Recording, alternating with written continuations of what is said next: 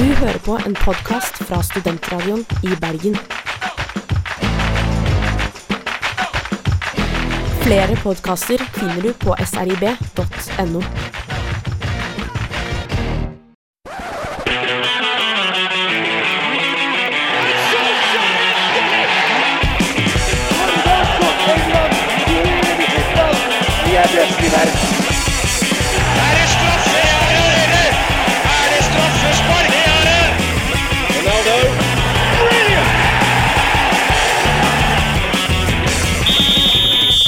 Offside!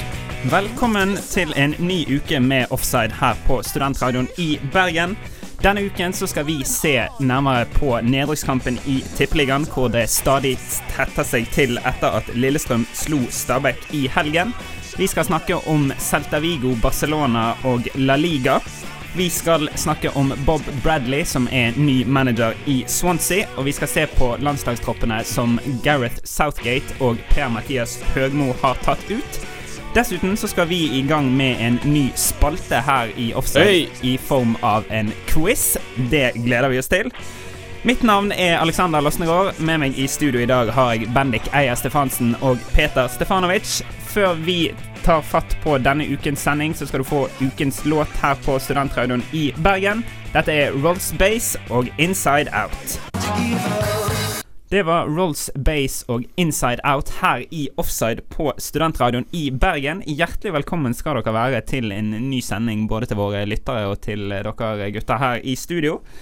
Vi skal begynne med nedrykkstiden i eh, Tippeligaen. For eh, ditt kjære Stabæk, Bendik, de tapte jo nå denne helgen mot Lillestrøm. Og dermed så er det plutselig eh, fem lag som bare skilles av fire poeng i nedrykksstriden. Ja, dessverre. De hadde en matchball hjemme mot eh, Lillestrøm som de klarte å misbruke. Og det er ofte som det blir når ett lag spiller med kniven på strupen. Da går det ofte veien for de. Så det, det var synd for mitt kjære Stabæk, men eh, neste kamp blir utrolig viktig. Ja, for det var en, det var en tøff match, dette her. Uh, jeg var jo til stede på Nadderud, um, og det jeg kanskje først og fremst bet meg merke i, var jo at Lillestrøm i stor grad kjempet Stabæk ut av stilen. Uh, For det var ikke noe, det var ikke noe stor fotballkamp sånn sett. Jeg satt og så på den. Nå var jeg ikke direkte sånn som du var, men uh, det var et Lillestrøm-lag som fikk de nødvendige målene de trengte, og de rodde i land den seieren. Og da Stabæk styrte så veldig spillet, og de var, det, de, de var et hjemmelag, og det var de som ville spille, men eh, sånn er nedrykkskamper. Da kan alt skje. Ja, for Stabæk har jo alltid vært et lag som er veldig opptatt av å spille ballen langs bakken. Jeg husker da jeg møtte Stabæk eh, som på G13 og G14-nivå, så var de alltid sånne bitte små teknikere som løp rundt. De var aldri opptatt av å vinne engang, de skulle bare spille god fotball langs bakken. Og var det sånn kampbildet utartet seg? Var det Stabæk som hadde mest ball, men Lillestrøm som tok best vare på sjansene sine? Ja, Stabæk hadde, hadde klart mest ball. Eh, Lillestrøm hadde jo, eller eh, Inge André Olsen hadde vel på forhånd sagt det at de forventet at Lillestrøm kom til å spille gamperfotball, og det gjorde Lillestrøm òg. Eh, all ære til Lillestrøm som klarte å følge den stilen, og som fikk de tre poengene som de sårt trengte for å ha håp om å om å overleve. Som jeg overhørte Torgeir Bjarmann sa etter kampen, så sa han det at nå lever vi litt til. Så de er jo fortsatt klar over at de har kniven på strupen fremdeles. Eh, men akkurat denne fighterviljen de viste der, det tror jeg jo blir ekstremt viktig i sesonginnspurten. For nå, sånn som kampprogrammet er, så handler vel mye om hvem som vil mest. Ja, og det var jo eh, morsomt å se. Erlandsen sa jo faktisk etter kampen at eh, selv om han aldri ville innrømmet det hvis de hadde tapt, så hadde de nok vært ute av løpet hvis de hadde hatt seks poeng opp. For det hadde blitt en sånn vanvittig heksegryte med sånn fem lag hvor alle kan rykke ned. Det er et drama uten like. Jeg vet ikke, Bendik, hvem er, hvem er det du tror kommer til å eh, Nei, nå var det jo hadde jo Stabæk en ganske grei periode. De hadde en eh, fin seier mot Odd, en fin seier mot uh, Bodø-Glimt. Men det er jo den trenden at de skaper for lite og scorer for lite mål, som bekymrer meg. Um, sånn sett. Og den der offensive trioen med Ngie, Alansinho og eh, Keita, den er jo egentlig på papiret en av de beste i Norge, syns jeg. Alansinho har ikke vist seg å være så god som han en gang var. Og da blir det for lite mål, og da havner man der man gjør. Selv om de sårt sekspoengene de trengte i to kampene i forkant, var, eh, var viktige. Ja, for jeg, for jeg kjente rett og slett litt på den frustrasjonen sjøl òg, for å si det sånn. Jeg mistet til slutt tellingen på hvor mange ganger NGE kom oppover den venstresiden, og hvor det på en måte enten at han akkurat ikke kom til innlegg, eller at det akkurat ikke var noen inne i feltet. Det var liksom den siste lille gnisten som manglet for at de får omsatt det spillet de hadde i sjanser. Og nå må jeg si at rent personlig, etter litt det jeg så der òg, men litt med tanke på kampprogrammet De skal til Ullevål, de skal til Sarpsborg eh, Nei, de møter Sarpsborg hjemme, men de skal til Molde. Så må jo jeg òg si at jeg er bekymret for Stabæk sin del. Ja, for Det som er spennende nå, er at vi har uh, Lillestrøm og Stabæk har egentlig tilnærmet det samme kampprogrammet. De har Begge to har en hjemmekamp mot Start, som bør, bør egentlig nesten bli en walkover, med tanke på at Start er, de er ferdige. De vil selvfølgelig spolere festen, men øh, Og så er det Molde og Vålerenga på begge to. Og det er jo der alle de sinnssyke sekspoengskampene kommer inn, og da Nei, det blir veldig spennende å følge med på. Skal jeg si deg hva som jeg håper skjer, Bendik? Jeg er håper, jeg håper at uh, Stabæk taper mot Vålerenga.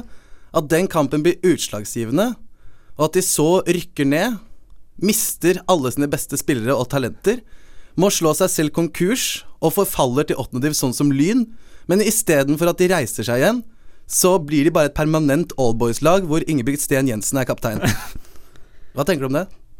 Jeg har ikke noen kommentar ytterligere om at jeg forkaster den teorien din, og jeg håper selvfølgelig at Stabæk skal holde seg og bygge videre på det laget de har og kjempe om seriegull neste år. Det er, eh, det er drømmen. Men eh, for å komme tilbake til nedrykkskampen, så har vi da et Ålesund-lag som har tatt, tatt hei, ha det og farvel til den.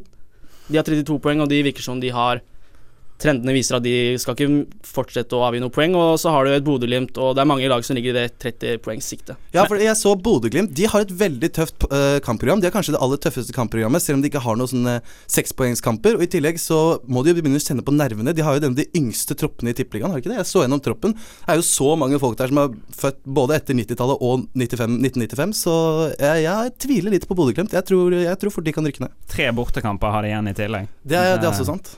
Men vi, vi kan jo òg få den situasjonen, Peter, at uh, Vålerenga starter neste år med ny trener i Obos-ligaen. Eh, tidligere Jeg har en skotsk våt Premier drøm at League. første Jeg har en våt drøm at første bortekampen til Ronny Deila blir borte mot ja, Rau... Nei, nå rykker Raufoss ned, men noe i den eh, Det hadde, hadde vært fantastisk gøy. Men nå skal jeg ikke dømme på det. Men uh, Vålerenga er det laget som sitter De sitter greit i det, men de har, de har et sykt kampprogram. Ja, men det, det, kan, det kan bare ikke skje etter at vi snudde den Vi snudde den jævlige trenden så hardt. Vi hadde seks kamper med fem seire og én uavgjort, og alle var sikre på at nå har vi greid det. Hvis, hvis vi forfaller nå, nei, det, det takler jeg faktisk ikke, ass.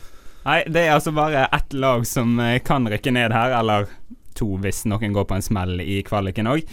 Vi skal holde et øye med denne nedrykksstriden videre, vi i offside. Eh, straks så skal vi bevege oss til Spania. Først så får du Vidmer og Human Hand.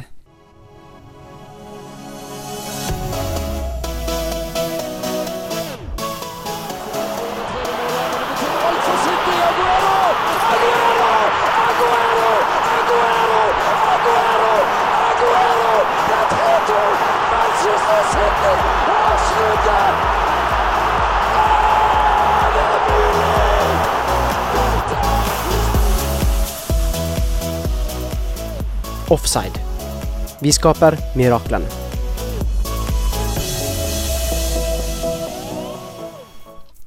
Ja, denne Vidmer fra med, og med Human Hand var vel såpass sørgelig at det er vel ikke utenkelig at det var noen eh, Barcelona-supportere som eh, hørte på den på søndag. For på søndag så lå altså Barcelona under med tre mål til pause mot Celta Vigo. Sist de gjorde det lå under med tre mål til pause, var lørdag 7. januar 1995, da de til slutt tapte 5-0 mot Real Madrid på Santiago Bernabeu. Nå endte de jo eh, De hadde et forsøk på et comeback, i det minste. Eh, endte opp med å tape 4-3 etter en uh, liten tabbe, for å si det pent, av uh, Marc-André Ter Stegen. Eh, men nå Messi var ute. Barcelona led tydelig under det. Eh, er de ikke så eh, uovervinnelige som man eh, lett kan tenke seg når man ser hvordan de valser over en del lag i Champions League, blant annet? Ja, jeg må innrømme etter å ha sett eh, Barcelona i uh, innledningen av sesongen, både i Champions League eh, og i La Liga også, de har jo vunnet med store sifre på bortebane osv., så, så jeg tenkte at å nei, dette blir nok et år hvor de bare høvler over all motstand. Og selv da Messi ble skadet, så tenkte jeg faktisk at eh, de har så mye kvalitet der oppe. Neymar begynner å nærme seg det nivået, Suárez er nesten helt der oppe. De har så mye kvalitet, men eh, ja, det har byttet litt imot, og nå tapte de 4-3 mot eh, Celta Vigo. Det jeg syns å minnes at de tapte på bortebane mot Celta Vigo forrige gang også, med Aspas som også skårte på et par eh, kontringer der, så det virker som de har funnet en liten akilleshæl i La Liga, rett og slett. Celta Vigo er jo, har jo blitt et sånn uh, topp seks-lag i Spania, så de har etablert seg nokså bra, men uansett, det er klasseforskjell på de lagene her, og at Barca taper den kampen her, er jo egentlig en uh, blunder. Ja, Men når en gammel Liverpool-legende i form av Iago Aspas eh, gjør livet surt, surt for uh, katalonerne, da, da blir det sånn, da. Ikke Messi, hva skal han gjøre? Han må komme tilbake snart. Han er en viktig mann, og nå ser vi jo det at uh, det var en veldig rar runde i La Liga. Madrid av, eh, Real Madrid av- avga poeng mot uh, Eibar, og Atletico kjører på videre, og de fester grep på toppen av tabellen. Ja, De startet jo dårlig. De spilte vel uavgjort mot to nyopprykkede lag. Ja, Antoine Griezmann, han sa jo uh, Legg meg ikke til uttalen. Han sa jo det at uh, de ligger an til nedrykk hvis det fortsetter sånn, og det er jo en ærlig sak, det, men de har virkelig fått opp turboen og viser at eh, jeg, jeg er rett og slett veldig, veldig imponert av det Atletico Madrid gjør. Du ser det jo i Champions League. De motbeviser alle um, spådommer og og de slo Bayern, selvfølgelig, og de, eh, de viser at de, de kan fort komme i Champions League-finale, og de kommer til å heve seg i toppen av um, La Liga i år òg. Men vi ser jo nå konturene i toppen av La Liga, det som vi kan tenke oss at det kanskje kommer til å se ut på, på slutten av sesongen, med Atletico, Real og Barcelona der oppe.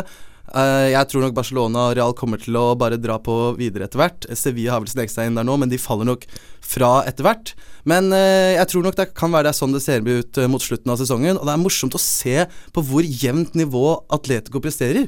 Og også den forskjellen man kunne se Jeg husker jeg så den Celtic-kampen, Barcelona-Celtic, og bare ble helt mindblown over hvor stor klasseforskjell det var. Og da tenkte jeg nå- er Barcelona uslåelige.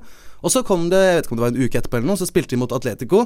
Atletico som er kanskje et av verdens beste kollektiver. Jonas Grønner var jo snakket om det her eh, forrige uke, nevnte den som eks eksempel. Og ja, det var så stor forskjell. Altså, Barcelona-spillerne de fant hverandre ikke. De, de hadde ikke de vanlige kombinasjonene. Det var, ja, det var morsomt å se. Det er som du sier, det er en tabellsammensetning. kommer nok til å bli samme ut sesongen. Det er, eh, men det er bare det ser litt utradisjonelt ut sånn som det gjør ut nå. Barca har fire seire og to tap, liksom. Det henger rett og slett ikke på greip, men eh, Men, men det er jo litt ekstra gøy da med denne eh, clashen mellom ulike stiler som du får med Simione, med den taktiske organiseringen, med Luis Henrique og Suárez, Neymar, Messi som på en måte vil kjøre på, og Real som eh, har dette enorme kollektivet, og som for en gangs skyld ikke har handlet så mye i løpet av en sommer, men som faktisk gir de samme spillerne tillit og muligheten til å bevise på nytt at de faktisk kan innta tronen i Spania òg. Altså, hva Men liksom eh, er det på tide at vi legger litt fra oss denne her sånn Sevilla er oppe nå, Villarreal er her oppe? Eh, jeg syns jo det er en dødfødt diskusjon i utgangspunktet, men er det på tide med, i lys av resultater som det vi så i helgen, at folk legger litt fra seg denne tanken om at Spania er en liga bestående av tre lag pluss 17? jeg tror ikke vi skal diskutere om at uh, pga. at Celta Vigo slår Spania, de er på vei ned, fordi, eller ligaen generelt, fordi du ser jo bare Eller det håndfaste beviset er jo når du ser eh, Champions League og Europa de siste årene, så har jo egentlig spanske lag tapetsert uh, topp fire eller semifinaleplassen her. Men det er jo litt morsomt Det er jo selvfølgelig morsomt når underdogene vinner og de store lagene får seg en knekk. Det er jo det, er jo det vi liker aller best. Det er liksom Det blir jo mye sånn 5-0 eh, du ser hver eneste mandag. Messi skåret hat trick i går mot Osasona. Det var gøy, liksom. Men eh, Ja, jeg, sy jeg syns egentlig det er altfor tidlig å si, rett og slett. Det er, det er så tidlig i sesongen. Det har bare gått en uh, seks kamper. Og skulle jeg gjettet på noe, skal jeg være ærlig, så tror jeg faktisk at uh, Jeg tror det er de tre som kommer til å kjempe i toppen. Jeg tror det er så stor forskjell på de tre og de andre lagene at uh, jeg tror det kommer til å holde seg, Nå kanskje det spøker litt for Real Madrid, om jeg tør å si det. De hadde en litt sånn kinkig Ja, Champions ja. League-kamp mot Sporting. Fikk en, fikk en heldig scoring på slutten her, og de, de hadde jo enda større bragd av Eibar å slå og, og få med seg poeng fra Santiago Bernabeu enn Celta Vigo slår Barcelona hjemme. Og jeg, jeg har lest litt i media om litt sånn misnøye rundt eh, Zidane. Det var litt fokus rundt det med Ronaldo ble byttet ut. Litt ukvemsord som ble sagt der, og det, det, det, det er dårlige nyheter, tror jeg. Ja, jeg tror det, men Ronaldo blir jo alltid veldig bitter når han, når han blir byttet ut. Men eh, jeg vet egentlig ikke helt med Zidane, fordi han han kom jo inn Han startet vel ikke før forrige sesong, gjorde han det?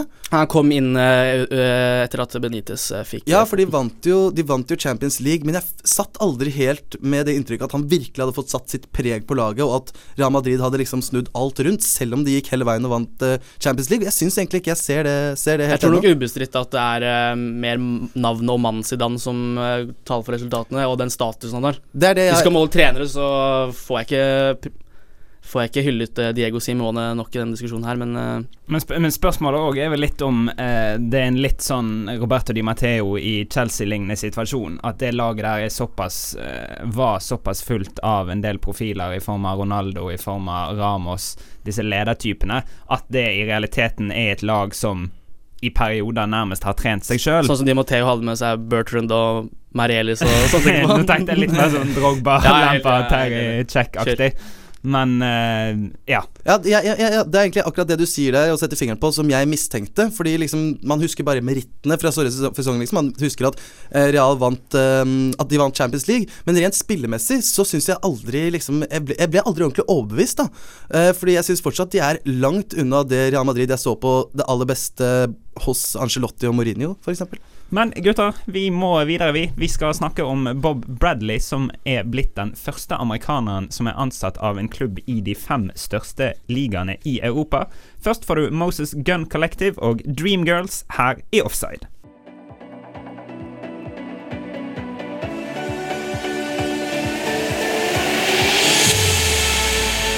Ibrahimovic kan göra fyra mål. Ja, eh, det är inte helt otänkbart för nu är Joe Hart ute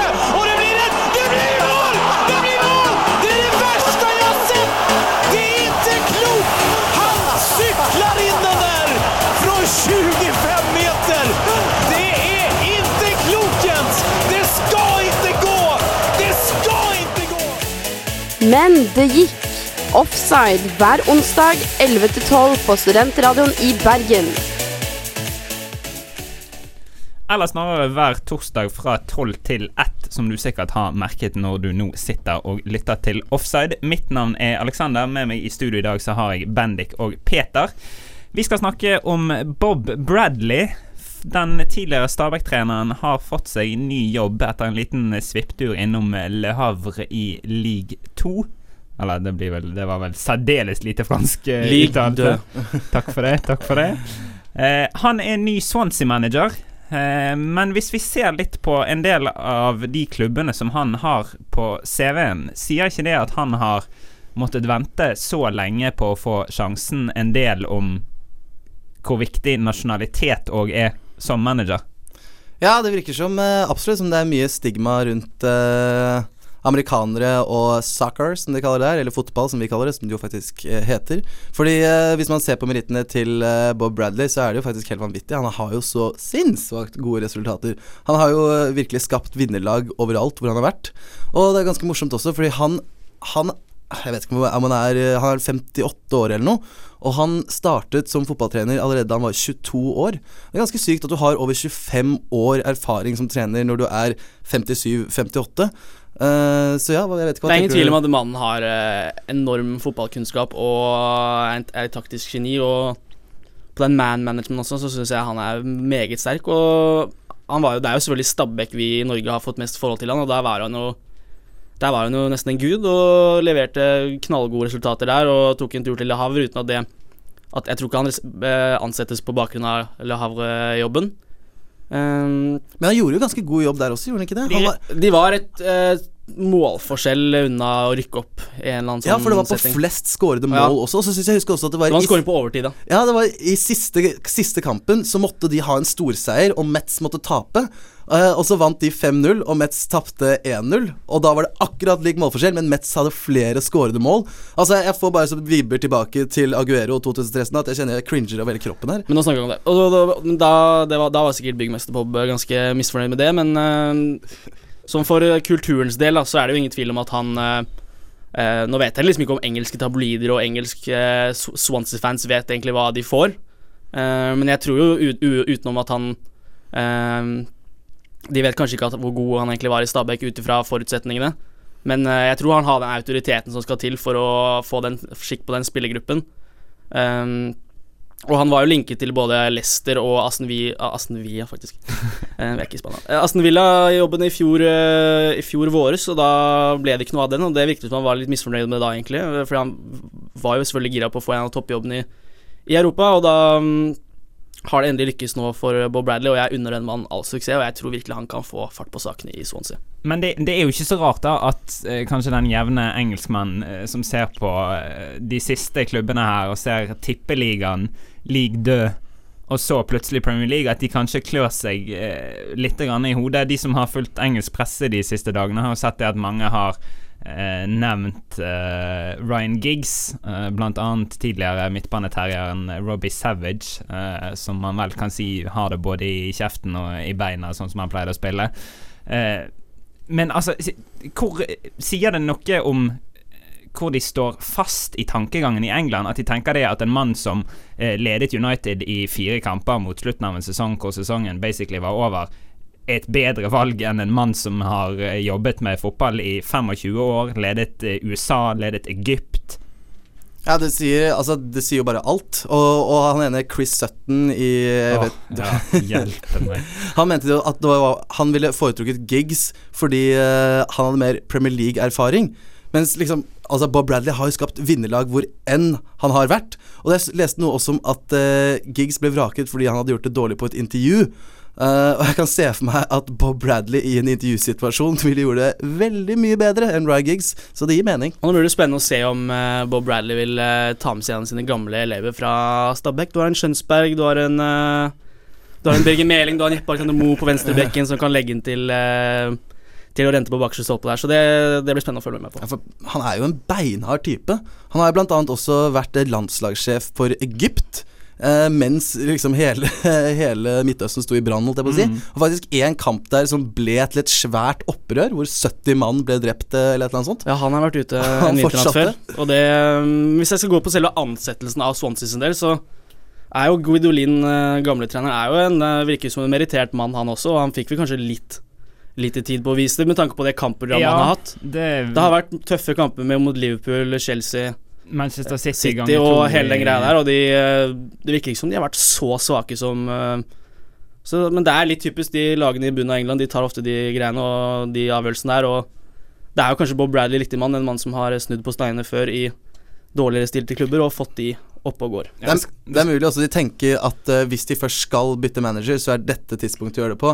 Hvis ikke, så kan det være for sent. Jeg husker Derby annet i eh, 2007-2008-sesongen. Byttet manager etter at de gikk til helvete uh, fram til november. Så byttet de manager og endte opp med den verste Premier League-sesongen noensinne. 11 poeng. De gikk 32 kamper uten å vinne. Ja, for det er jo litt dette her med å ta grep mens det fortsatt er tid til å ta grep, selv om jeg er helt enig i at det var en tøff avgjørelse Mm. med det kampprogrammet å gi han fyken.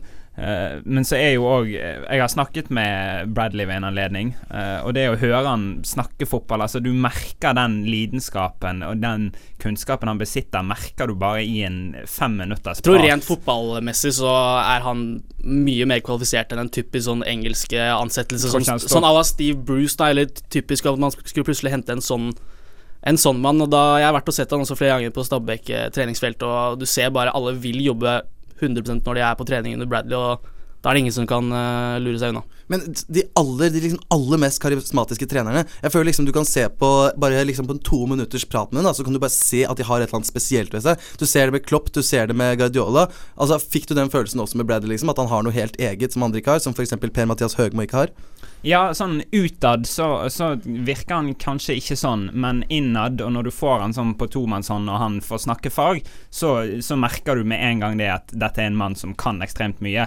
Du merker og skjønner at han motiverer enkeltspillere, at han kan motivere en hel tropp. Og det viser jo òg de resultatene han har hatt rundt om i verden. Som du sier, han var i Egypt når Midtøsten sto i brann, vandret over Tahir-plassen omtrent daglig. Altså, det er snakk om en beintøff fyr med ekstremt mye fotballkunnskaper. Men sånn jobben han har for seg nå, da, så er jo Swansea en ganske ok spillergruppe, men, u- eh, sett eh, opp mot de andre båndlagene i Premier League, kontra, kontra Hull og Sunderland og det der, og de har jo hentet han nye Gaston, han uh, Er han heter? Han er eh, Ikke det jente du snakker om nå?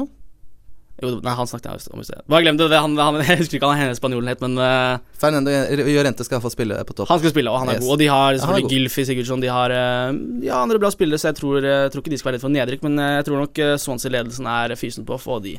Ja, han er jo en mann til, Typisk sånn topp å, eh, til å lage gull av gråstein uansett, så det, jeg tror det kan bli bra. Jeg er helt enig. Steller meg bak Bro Bradley. Det blir veldig spennende å se hva Bradley kan få til. Det var jo fint at du nevnte en karismatisk kar som Høgmo og Peter. Vi skal snakke om Høgmos nye Norgetropp og Gareth Southgates første England-tropp etter Slutface og Bright Lights.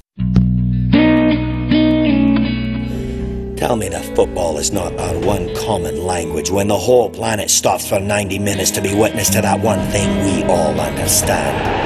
Yeah, you can tell me I'm wrong. Some may say it's just a game, but this is about heroes and tribes, loyalty and devotion.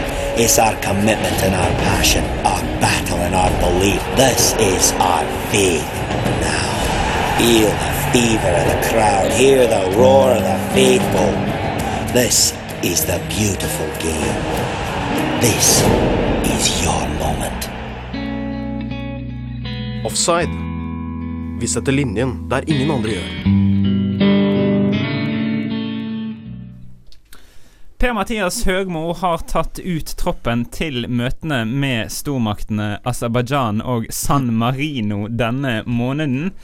Eh, en god del endringer fra eh, troppen som eh, møtte Tyskland, eh, men kanskje sånn de mest åpenbare Eller kanskje den ene mest eh, oppsiktsvekkende her, er jo at Tariq Elionossi er tilbake i landslagstroppen. Ja, eh, jeg har ikke fulgt med så mye på Tariq Elunussi i det siste, eh, men eh, jeg tror ikke han kommer til å starte. Det er mulig det er for å fylle opp på den høyresiden. Vi hadde vel Ja, vi har jo vært innom den høyresiden vi hadde mot Tyskland og Hviterussland, at den ikke var helt på topp. Med stakkars Veton Berisha og Jonas Svensson. Vi gikk kanskje litt hardt ut mot dem her i offside, men det var, det var absolutt under pari. Og for meg, når jeg ser på troppen, så er absolutt høyrekanten det store spørsmålet. For jeg mener jo selvfølgelig at Dio skal starte på venstre, Dio sammen med alle Sami. Hva tror du, Bendik?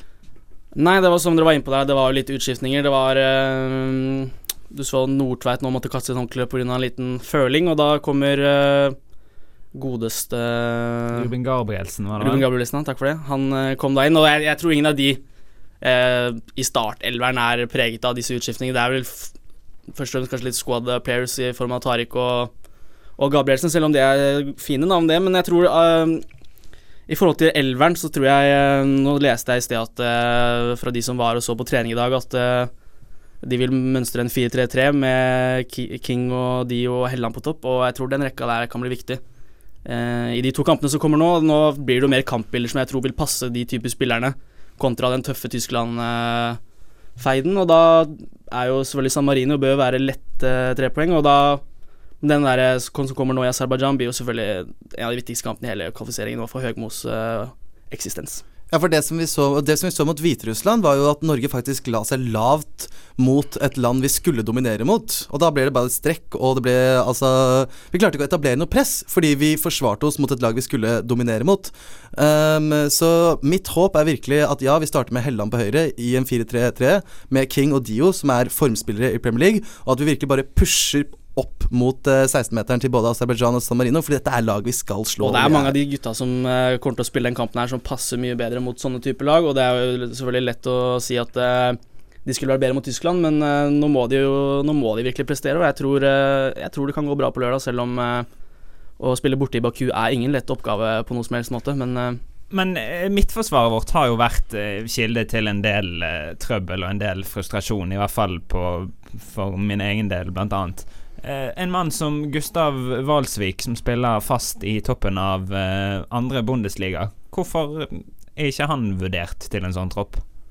Ja, jeg vet ikke, hvem var det som spilte Det var vel Nordtveit og Hvem var andre mann som spilte mot Tyskland? var det? Strandberg, tror jeg. Ah, Strandberg, ja. Ja. ja. det var jo De gjorde jo absolutt ikke, absolutt ikke noen topp innsats, så jeg er helt enig at Ja, for han å- For å ta, fors, fors, ja, for å ta forsvarsrekka bak der, så tror jeg selvfølgelig alle Sami, som har hatt en god start nå i Palermo, virker til å være en banker på, i backrekka der. Og så blir det fort eh, Helland Nei, ikke Helland, han skal ha ingenting å gjøre der. Men eh, Strandberg og eh, Hovland. Uten at det er noe sånn eh, kjempegodt tegn. De, de er jo selvfølgelig habile forsvarsspillere, de, og Ikke Nordtveit? Skal ikke han spille Nei, han uh, eh, måtte kaste håndkle pga. skade. Så oh, ja. ja, riktig, riktig. riktig så han, uh, men, men de to gutta her, de kan uh, Nå blir det selvfølgelig et mye bedre kampbilde for de, og det, det, det er jo i forsvarsleddet det blir viktig å, å holde skikk nå. Og Svensson også kan bli ve veldig viktig i de kampene som kommer nå. Men Valsviks eh, Eintracht Braunschweig har vel for øvrig gjort det vel så godt som eh, Hovlands Nürnberg i sesonginnledningen. Eh, Høgmo, hvis du hører på. Det er alltid lov å ta imot litt. Ja, vi glemte å Det er lov å snu, Høgmo. Det er lov å snu. Men Valsvik er absolutt spennende. Jeg har også lest om han og han eh, Vi voucher for Valsvik her i offside, det gjør vi. Ja, men Jeg skjønner ikke hvorfor ikke han kunne blitt nevnt istedenfor Gabrielsen, som eh, ikke har hatt en sånn ekstremt overbevisende sesong for et sånt halvpresterende Molde-lag. Nei, det er der jeg, det er der jeg stusser litt. Grann. Nå er kanskje en eh, Nå er jo kanskje eh, Nå har jo ikke Valsvik vært i den manesjen før, så jeg vet ikke om han ikke er noen kjenning eller noe som helst, men han bør jo være, absolutt være kvalifisert, og jeg syns det er merkelig, men Men en som òg måtte ta ut eh, Eller en som nå har tatt ut sin første landslagstropp etter eh, Big Sams eh, lille uheldige episode, Gareth Southgate. Eh, ikke noen sånn voldsomme overraskelser. Glenn Johnson var i utgangspunktet kalt inn for første gang siden VM i 2014. Han måtte trekke seg pga. en skade og erstattet av tidligere United-spiller Michael Keane nå i Burnley. Uh, Barkley er utelatt, Lalana er skadet, Wilshere er heller ikke Kane er også skada, vel? Ja, Kane er også uh, skadet, Wilshere er heller ikke tatt med. Det var vel ikke noe sånn voldsomme overraskelser Nei, det her. Rashford er oppe Ja, Rashford får sjansen etter at han ble utelatt fra um, Big Sam, men det er jo uh, Det skjønner jeg helt fullt og helt. Ja. Han har jo vært mye bedre siden den gang, så han, det er ingenting som, ingenting som tilsier at han skal uh, ikke få muligheten der. Nå blir det spennende å se. Nå har jo eh, England-Malta neste kamp, og det bør være lett match. Og det, er jo veld, det blir jo veldig spennende å følge det managerspørsmålet videre med Southgate, da, som eh, kan få jobben permanent. Men det er nevnt mange andre store navn også. Vi har Wenger som er på utadgående kontrakt i, i Arsenal, som absolutt er en het eh, kandidat. Og jeg vet ikke, Peter, hva Og mi- tenker du om Three Lines? Den dagen Wenger gir seg Arsenal, det, det blir litt av en dag. Men jo, jeg, jeg bare stiller et spørsmålstegn ved midtbanen til England. Fordi sånn som jeg ser det i troppen, så ser jeg egentlig bare to rene liksom øh, defensive eller sentrale midtbanespillere, og det er Erik Dyer og Jordan Henderson. Men er det, de som, er det de som pleier å starte? Er det de som kommer til å starte? Nå vil jeg tro Lalana etter en så god Men- start av sesongen, med tanke på han er han skada, men jeg tror han absolutt ville vært, eh, vært en klar førstevalg der. Kanskje foran Kanskje foran Dyer, så ville Henderson spilt bak der, for han har hatt ganske god sesong i Liverpool han uh, hittil. Men spiller Lallana indreløper i Liverpool, eller spiller han uh, Tror han spilte le le lenger opp i banen? Litt lenger opp i banen, men uh, det blir, da hadde vi sikkert komponert det litt sånn som de gjør i Liverpool, med Henderson litt dypere. Mm. Og det er også en godt eh, Det er også bra for England med litt kontinuitet, da. Men, ja, men det er vel kanskje ikke nødvendig å sette alle kruter til i forsvar når det er Malta som venter på Det er riktig, det er riktig, det er helt riktig. Jeg håper bare for hele England, på hele Englands vegne, at ak Southgate, akkurat som Mourinho, tør å benke kapteinen sin Wayne Rooney. Wayne Rooney har ingenting på, i engelsk landslagsfotball eller i Premier League å gjøre. Han må til Kina, eller han må til USA. For å snakke om Southgate, da, så er jo han en mann eh, Jeg husker jo han fra i mine yngre dager, hvor han uh, var og se på TV-skjermen som Middlesbrough-trener, og han har jo da blitt en ganske etablert mann i eh, FA, og som nå tidligst U21-sjef. Og han virker da som en ganske safe ansettelse sånn sett, i hvert fall på den eh, midlertidige eh, låneavtalen. Så at han får 500 000 pund for uh, sine to kamper, og det er en god uh, kamputbetaling, vil jeg si. Og hvis de, men hvis de får seks poeng, så er det jo verdt, uh, verdt det.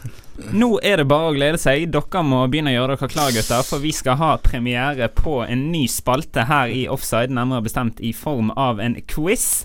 Så eh, mens dere gjør dere klar, så skal du der hjemme få høre Rohi og Is There All There Is. Van der Beautiful pouncing header right over the top. Here, Fazio can't do anything. And Sergio Ramos gets a nimble erection. Like to say I'm excited. I don't know if I'm as excited as he is. 2-2 the score. Well, that's what his body language was telling me. Offside. Det er lett å la seg bli opphissa av god fotball. Da er vi kommet til vår nye spalte her i Offside. Vi skal ha quiz. Quizen foregår altså som følger. Jeg skal spille av eh, etter hvert to lydklipp fra dere. Så har vi ett sitat fra fotballens eh, vidunderlige verden, og ett fotballrelatert spørsmål, selvfølgelig. Eh, denne quizen, eh, Vinneren av quizen får eh, tre poeng. Eh, quizen kan òg selvfølgelig i god fotballånd ende uavgjort med ett poeng til hver. Så skal vi føre litt sånn tabellsystem eh, utover det, av dette her utover eh, høsten. Eh, og så når vi nærmer oss jul vel i første omgang, så blir det vel en eller annen form for premie til vinneren og en straff til de andre som da ikke når helt opp. Og Så det gjelder å være på jobb fra allerede i dag, altså. det, her gjelder det å være på fra første øyeblikk. Absolutt. Eh, vi tar òg gjerne imot eh, forslager, forslag, heter det vel eh, strengt tatt, til straff eh, på våre Facebook-sider. Bare send oss en melding der. Eh, hold det Pen. til det litt seriøse og litt eh, gjennomførbare. Det ingen eh, Det blir ikke noe nakenløping fra offside-gutta gjennom Bergens gater med det første, men alle kreative innspill setter vi stor pris på. Jeg tror rett og slett vi bare setter i gang, gutter. Dere sier eh, navn når dere tror dere har skjønt hva dette er, og så hører vi hele lydklippet, og så skal vi se hva dette her er for noe. Kan du spørre om jeg er klare? Er dere klare? Ja! Jeg er så klar. Redknapp. Goodness me, have you ever seen anything like that in your life from a goalkeeper? that is quite the most remarkable piece of goalkeeping I have ever seen. Å, fy Åh, Nå må jeg tenke her. Ja, gutter. Sitter det på tungen, eller eh, Det, det, det lugga litt i starten. Jeg fikk ikke helt med meg eh, de strofene fra kommentatorene i starten. Da ble jeg veldig usikker. Det er ikke mulig å høre på nytt, eller er det litt juks? For nok tok jo ingen eh, Nei, den er kanskje, den er kanskje Hvis vi nøster litt opp, da. Rednap nevner han Ja, aller jeg føler det er noe QPR. Men jeg kommer ikke fram til hva. Nei, det er jo Det er jo, det er jo, det er jo, det er jo Jamie Redknapp, er det ikke det? Vi skal til landslagsfotballens verden. Faen. Såpass mye kan jeg si. Uh, Men nå det, det umiddelbare, jeg tenker at han nevnte jo Nå skal ikke jeg gi noe hint til eh, min eh, konkurrent, men Jamie Redknapp er jo også en fotballspiller. Ja. Det kan jo fort være han, men uh, Men, men Nei, nei, nei, nei, nei, jeg- nei, nei, nei, nei, nei, er Bendik. nei, Er det Higita? Det stemmer. Nei! Det er Yes! Regne Higitas skorpionspark Nei! mot England på. Wembley i Nei. 1995. Den er ganske solid av meg. Rednap? Er. Hvor, hvor kommer Rednap fra? Det er skjønt- Rednap som uh, slår eh, innlegget. Ah, Guttungen, vet du. Det er ikke Vår Nei. kjære colombianske narkobaron. Det er ikke mannen som henger ut av vinduet hver gang jeg har sett det på YouTube en million ganger. En million ganger. Men da, gutter, da er det klart for andre lydklipp. Ja. Vi kjører på, vi. Ahí lo tiene Marabona, lo marcan dos, pisa la pelota Marabona, arranca por la derecha el genio del fútbol mundial, y es el tercero a tocar para Borruchaga siempre Marabona, genio, genio, genio, ta, ta, ta, ta, ta, ta, ta,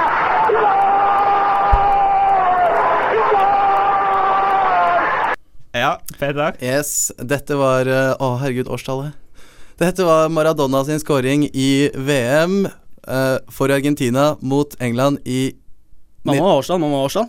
Nei, du skal få slippe. 1986. Det stemmer. Ah, Det den. stemmer. Det er den solo-goalen med kommentatorsporet fra Victor Hugo Morales. Det er et legendarisk kommentatorspor der. Og det, Der lå jeg i bakleksa, det kjente jeg med en gang. men det var, samme, det var samme kamp som eh, Henstad, var det ikke det? Jo, Jo. Det er to legendariske skåringer på én kamp, ass. Det Da skal vi 1-1. Ja, Ja. Yes. selvfølgelig. Da skal Greit, vi videre til den godeste quiz-delen her. Uh, mitt første spørsmål, det er Er det bare ett spørsmål? Uh, Det er ett spørsmål, og så er det ett sitat. Hva kommer først? Takk for den presiseringen. Her kommer spørsmålet okay. først. Ja. Fordi det henger litt grann i sammenheng med okay. sitatene. Jeg skjønner. Spørsmålet er Hvilket årstall vant Blackburn Premier League? Bennik. Det var i 1995. Bennik! 1994. Nei, det stemmer. Det er 1995. Faen. Det var 94-95-sesongen. Henning Berg var der, Alan Shearer var der. Faen. det You name stemmer. it. Ah! Nytt poeng til Bendik Jeg skjønner der. hvorfor du prøver å si 1994 men jeg vet det er 1995. Ja, men det var jo begge deler, da, Bendik. Ja, men Um, så, Mai skal vi ha, altså, Du nølte, mann. så skal vi ha sitatet her. Sitatet, det er altså omhandler den godeste tidligere, eller ikke tidligere, men fotballagenten Jerome Anderson, som har voldet eh, nettopp Blackburn mye skade. Og i dagene etter at Sam Allardyce fikk sparken i Blackburn, vi skal vel tilbake til 2011 om jeg ikke tar helt feil, så var det da en særdeles berømt person som sa om Anderson at han er ikke engang qualified to pick his nose. Vi er i Premier League. Um, er det, et sit Nei, det er ikke et sitat, det er jo bare navnet på han eh, han omtalte om. Ja, omtalte Jerome Anderson og sa det at he couldn't even pick his nose. Uh, Nå, no. Pe Peter. Ja, Sir, Sir Alex. det var ikke verre enn som så. Hæ? jeg visste det. Jeg Yes. Jeg skjønte ikke spørsmålet. Jeg hadde en liten hunch. Han sa det to ganger. Han sa det to ganger. Poenget var det at Ferguson har sett på denne utviklingen i Blackburn og ristet litt på hodet, som de fleste av oss. Og sa det av da når han fikk spørsmål om hva han syntes om Jerome Anderson. Så Det sa han Wenger, det, nei, det var ikke Wenger, han er en annen, men det var Ferguson som sa det. ja, så sa han det at he isn't even qualified to pick his own Ja, selvfølgelig, jeg visste det, jeg bare skjønte ikke spørsmålet. Da endte vi rett og slett med uavgjort allerede i første runde, gutter. Så da har dere eh, ett poeng hver. Så skal vi selvfølgelig eh, på en eller annen måte få dette tabellsystemet utover på eh, sosiale medier. Eh, vi befinner oss jo både på Instagram og på Facebook og på gudene vet ikke hva for for tiden. Dette blir en fast spalte som blir å se fremover eh, i offside, så dette er det bare å markere av eh, fast i kalenderen. Få gi shout-out til quizmaster Alexander Ja, også for god gjennom, Takk, takk for eh, gjennomføring av det. Og så kan dere også gå inn på iTunes og rate oss hvis dere syns det var bra program. Det kan dere bare gjøre. Følg oss på sosiale medier, alle kanaler. Vi er på alle plattformer. Og så kan dere hyre inn Alexander Losnevår som quizmaster på deres utdrikningslag eller andre arrangementer. Så får vi håpe at dere da forstår spørsmålene. Vi skal videre her i offside. Nå får du Rabagast og I Don't Care At All.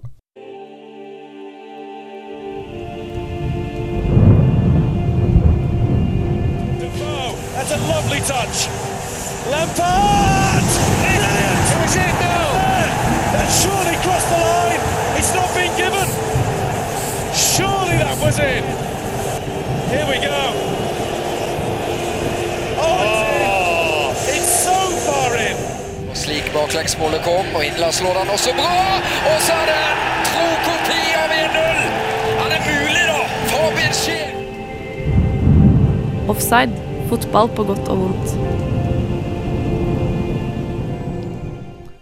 Denne ukens utgave av Offside går mot slutten. Tippeligaen, Bob Bradley, landslagstropper, La Liga og quiz har vært nøkkelordene for denne ukens sending. Quizen blir en fast spalte i Offside her fremover. Følg Peter sin oppfordring, og eh, følg oss på Facebook, Twitter, Instagram. Eh, hvis du gir klipp av denne ukens sending, så finner du den som podkast både på srib.no slash offside og på iTunes. Gi oss gjerne en kommentar der, og fortell oss hva du syns vi kan bli bedre på.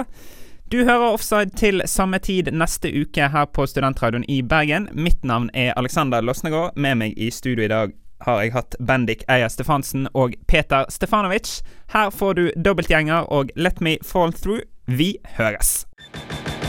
Du hører på en podkast fra Studentradioen i Bergen.